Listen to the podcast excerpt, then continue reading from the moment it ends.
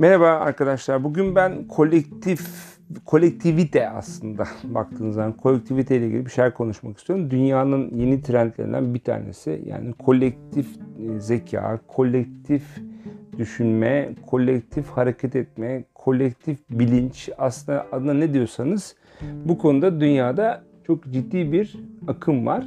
Çünkü kolektivite ne demek? Aslında herkesin en iyi yaptığı konuda bir yere gelmesi ve bu en iyi yaptığı konularda bir araya gelerek kolektif anlamda bireyin yapabileceğinden çok daha fazlasını bir takım veya bir grup halinde yapabilme yeteneğini ortaya çıkartmak demek. Gördüğünüz gibi şu özellikle son dönemdeki krizlerde de biz bunun cidden şeyini çekiyoruz, acısını çekiyoruz.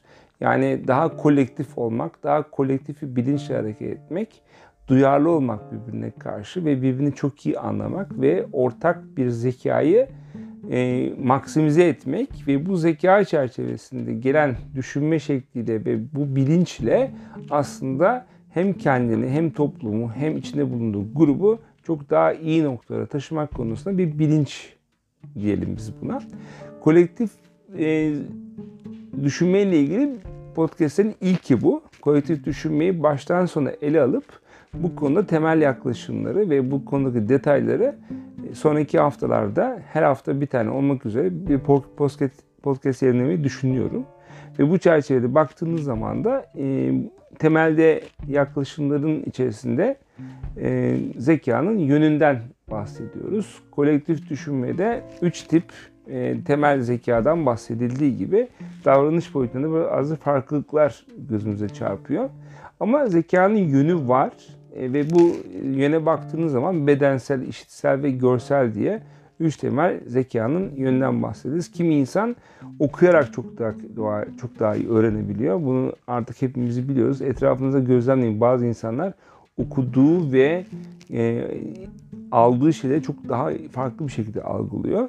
Öteki tarafta görsel zekası olan insanlar var. Adama e, sayfalarca kağıt veriyorsun, okuyor hiçbir şey anlamıyor. Bir tane fotoğraf gösteriyorsun ve o bir daha onu hiç unutmuyor. Buna biz görsel zeka diyoruz. Bedensel zekada bir kavramdan bahsediliyor yine bu kolektif zeka kapsamında. Ve kolektif düşünmede çok önemli bir unsur yine.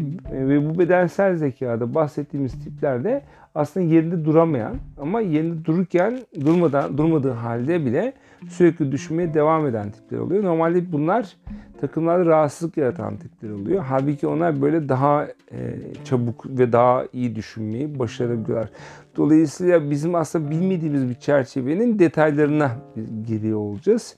Ve temel kabulümüz çok basit bir takım veya bir grubu bir araya getirdiğinizde herkesin en güçlü yönlerini, herkesin zeka konusunda ortaya getirdiği en pozitif noktaları bir araya getirebilirsek eğer o zaman bizim kolektif zekamız, kolektif bilincimiz çok daha yükseliyor ve birey olarak yapamadığımız pek çok şeyi çok daha akıllı ve çok daha hızlı bir şekilde hayata geçirmek konusunda adım planları yapabiliyoruz ve bu çerçevede ilerleyebiliyoruz.